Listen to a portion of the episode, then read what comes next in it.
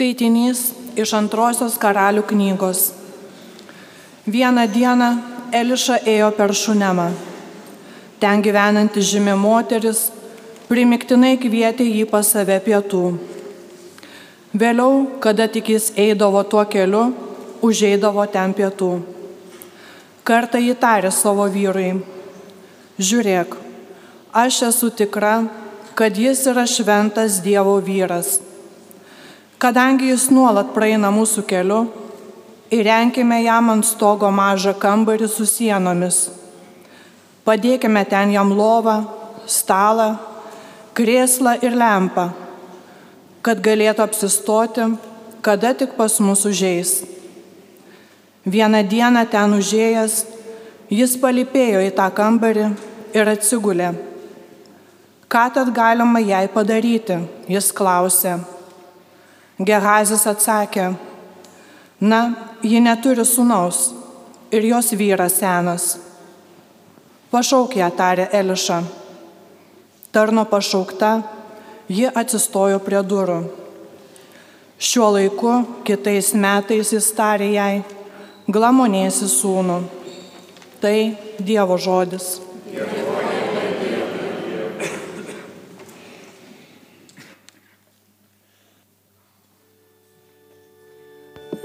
Viešpatiem žinai gėdosiu apie tavo gerumo malonę.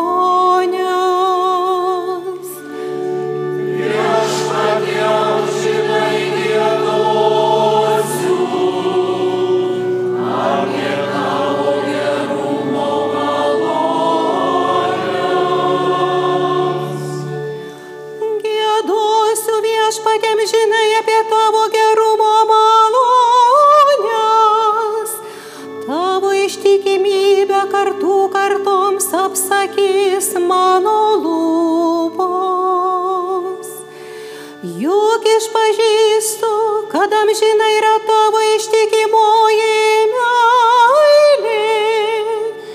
Tvirta kaip dangaus kliautas tavoje.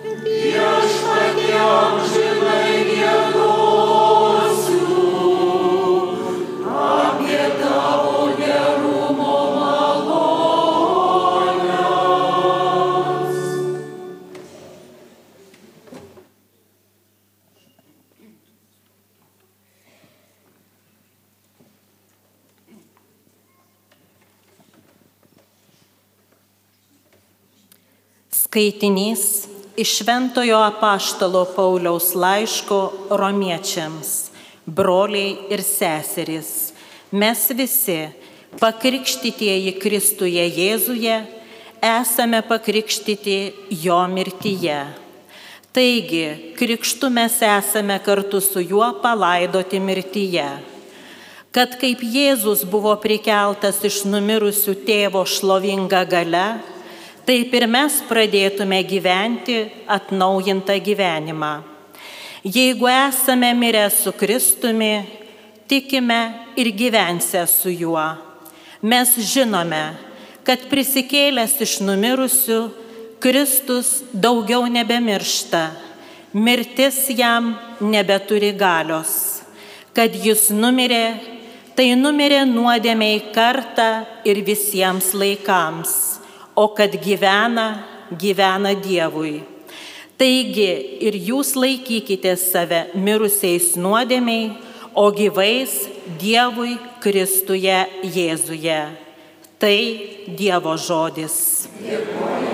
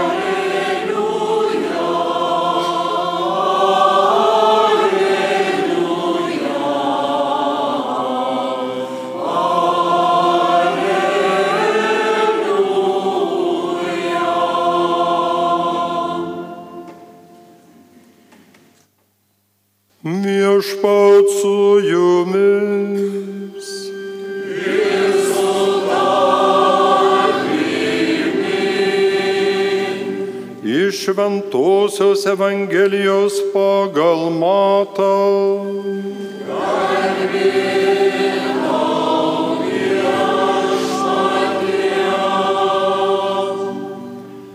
Anuo metu Jėzus bylojo savo apaštalams, kas myli tėvą ar motiną labiau negu mane, nevertas manęs kas myli sūnų ar dukterį labiau negu mane, nevertas manęs.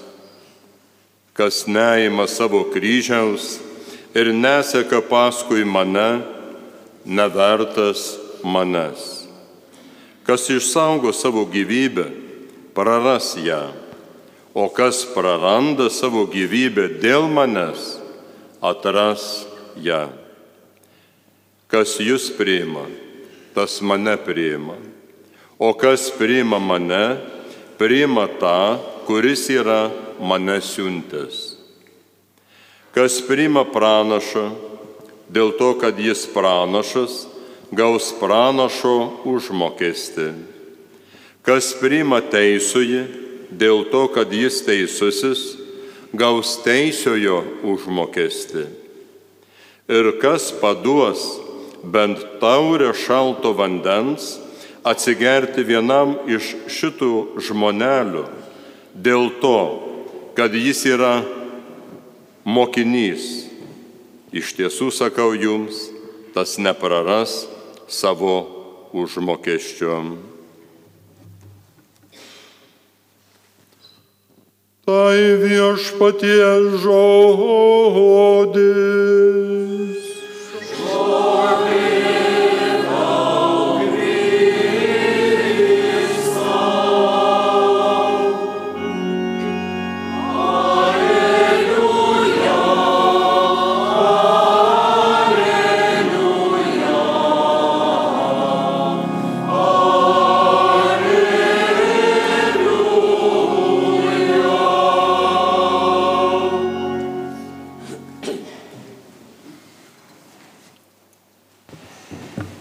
Mėly broliai seserys susirinkę čia į šitą gražią baziliką prie stebuklais garsėjančio mergelės Marijos paveikslo šiuose didinguose Žemaičių kalvarijos atlaiduose. Mėly Marijos radio klausytojai, kurie jungiatės į bendrą maldą draugę su jumis. Su mumis čia esančiais yra visada gera atvažiuoti į Žemaitijos dvasinį centrą, sakytume, prie šito paveikslo pasimelsti už mūsų šeimas, už tas šeimas, kurioms priklausome, už tas šeimas, kurias pažįstame ir kurioms melžiame santarvės, ramybės, susitaikymo ir kitų malonių, kitų dovanų. Visada yra gera rūpintis šeima ir visi mes vienai par kitai priklausom šeimoms ir jeigu šeimos bus stiprios mūsų tėviniai Lietuvoje, tai ir mūsų Lietuva bus stipri. Šiandien gal kiek keista girdėti, kai susirenkam prie šeimų karalienės paveikslo, girdėti tokius Evangelijos žodžius, kad e, tas, kas nemyli manęs labiau negu tėvo ar mamos, kas manęs nemyli, labiau negu savo vaikų nevertas manęs. Kitaip sakant, viešpats kviečia mus Dievą mylėti labiau negu kad savo tėvą ar mamą, Dievą mylėti labiau negu savo vaikus. Tikriausiai daugelis išdrįstumėt paprieštarauti Jėzui, ar ne taip, kaip jisai kviečia štai Dievą statyti į pirmą vietą šalia mūsų šeimų narių. Tačiau šie Evangelijos žodžiai yra kvietimas mums visiems pasvarstyti, kaip mes mylim savo artimuosius, kaip mes mylim savo tėvus ir kaip mes mylim savo vaikus. Ar tikrai teisingai mylim tuos, kurie yra mūsų šeimos nariai.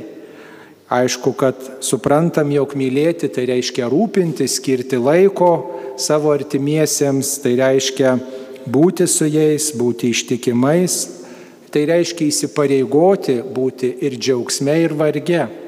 Ir tai suprantam kaip meilę, kaip tą dėmesį, kuriuo apgaubiam savo artimuosius. Tačiau mylint yra ir didelė pagunda savintis, savintis savo šeimos narius, savintis ir, galima sakyti, reguliuoti jų gyvenimo istoriją, diktuoti savo valią.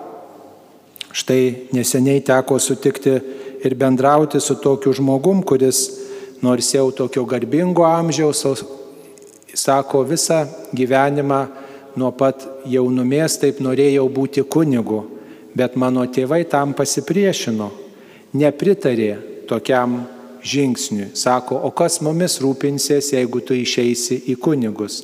Sako, mes norim, kad turėtume senatvėje prie ko galvą padėti, su kuo bendrauti, su kuo susitikti, į ką atsiremti.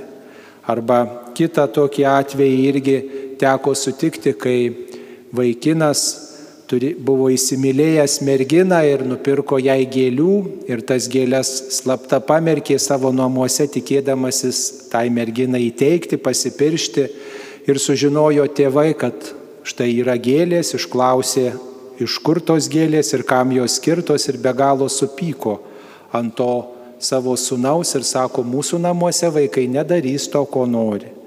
Ir uždraudė susitikinėti suaugusiam žmogui su ta mergina ir žmogus jautėsi visą gyvenimą nelaimingas, kad tėvai uždraudė bendrauti ir susitikti su tuo žmogum, kuris atrodė tam vaikinui labai mielas.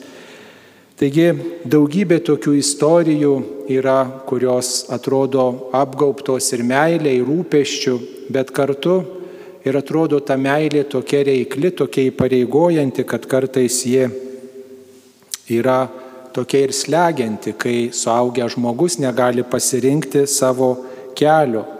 Žiūrėkim, kad ir viešpats mus visus myli ir leidžia net klysti.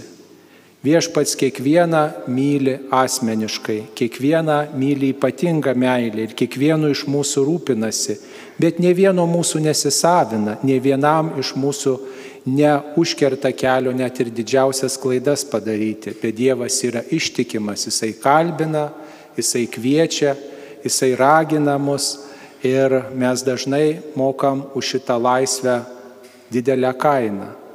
Galbūt panašiai yra kviečiami ir mylėti ir mūsų tėvai. Panašiai mes esam kviečiami mylėti visus žmonės taip, kaip myli Dievas. Leisti, leisti net ir klysti, kad ir kaip mums nepatiktų, bet leisti klysti tiems, kurie renkasi ne taip, kaip mes suprantam.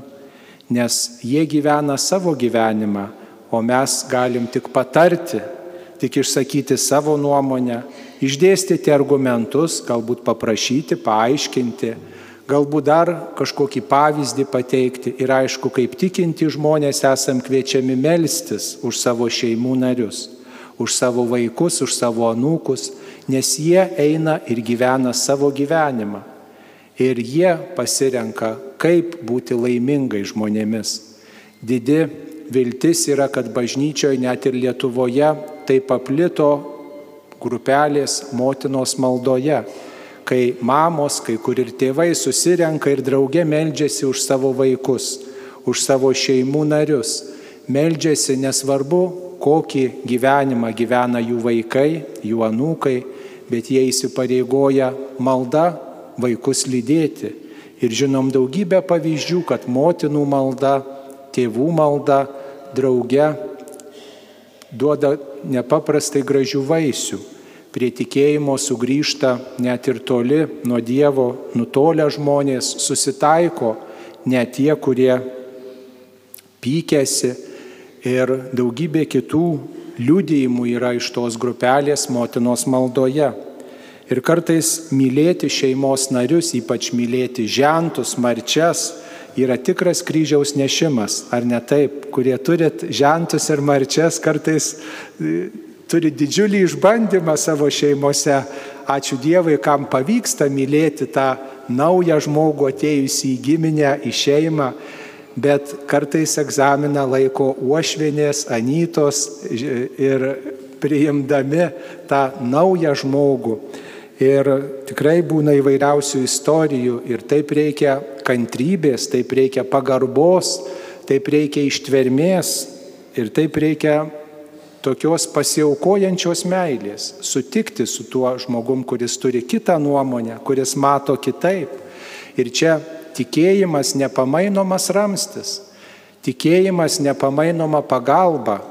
Iš Dievo mokomės, kaip priimti tą kitokį kaip priimti tą, kuris netaip gyvena, kuris galbūt netaip tiki, arba gal nuo tikėjimo net svetimas, bet jį pasirinko mano sunus ar mano dukra.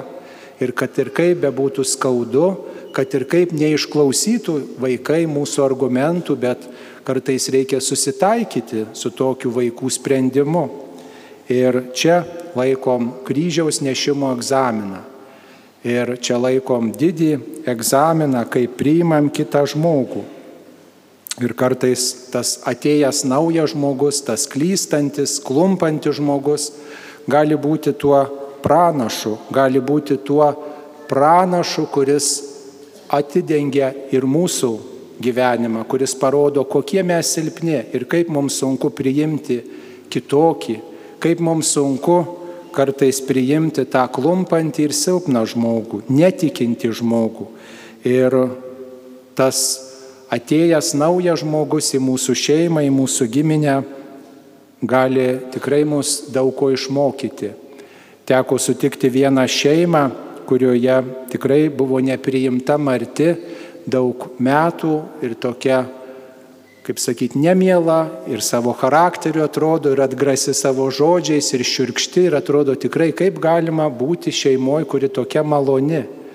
O žinot, kai atėjo sunki valanda, būtent prie tos širkščios, kietos, marčios glaudėsi tie pagyvenę tėvai, nes kiti žmonės tiesiog nesurado laiko, nebuvo jėgų ar noro slaugyti tuos senus tėvus O štai Marti atrodo visai svetimas žmogus, nepriimta, atstumta, kritikuota, buvo tuo išsigelbėjimo ratu, ta išsigelbėjančia ranka, kuri sunkia valanda suteikė pagalbą, kuri neišsigando, kai jos nepriėmė, nesupyko, neužkasė nuoskaudo savo širdį, kad jos nepriėmė, bet kurie vis dėlto parodė, kad pasiaukojanti meilė tai yra ta, kuri myli ne tik tai geruosius, bet myli ir tuos, kurie kieto širdies žmonės, kurie laiku nepasakė gero žodžio. Per silpnus žmonės, per tuos atstumtus žmonės viešpats kartais nori mums duoti pamokų. Svarbu mums mokytis vis dėlto priimti kitą žmogų kaip Dievo siūstą. Nesvarbu, ar jis būtų toks, kaip mes manome, ar ir kitoj stovyklos pusėje, bet vis tiek ieškoti tiesos jo žodžiuose ir priimti kitą ne kaip kažkokią klaidą, ne kaip kažkokį nesusipratimą, bet kaip galimybę. Kaip galimybę galbūt kitaip pažiūrėti į situaciją, kaip galimybę iš naujo įvertinti savo gyvenimo istoriją ir kažko mokytis. Juk mes tikinti žmonės suprantam, kad mūsų istorijoje nėra nieko atsitiktinio, kad visa tai, kas vyksta, yra Dievo suplanuota ir iš viso to galim kažko pasimokyti, kad iš viso to galime įgyti patirties. Ir taip svarbu mums visiems, kiekvieną sutiktą žmogų priimti kaip Dievo siūstą pranašą per kurį viešpats nori šitą pasakyti.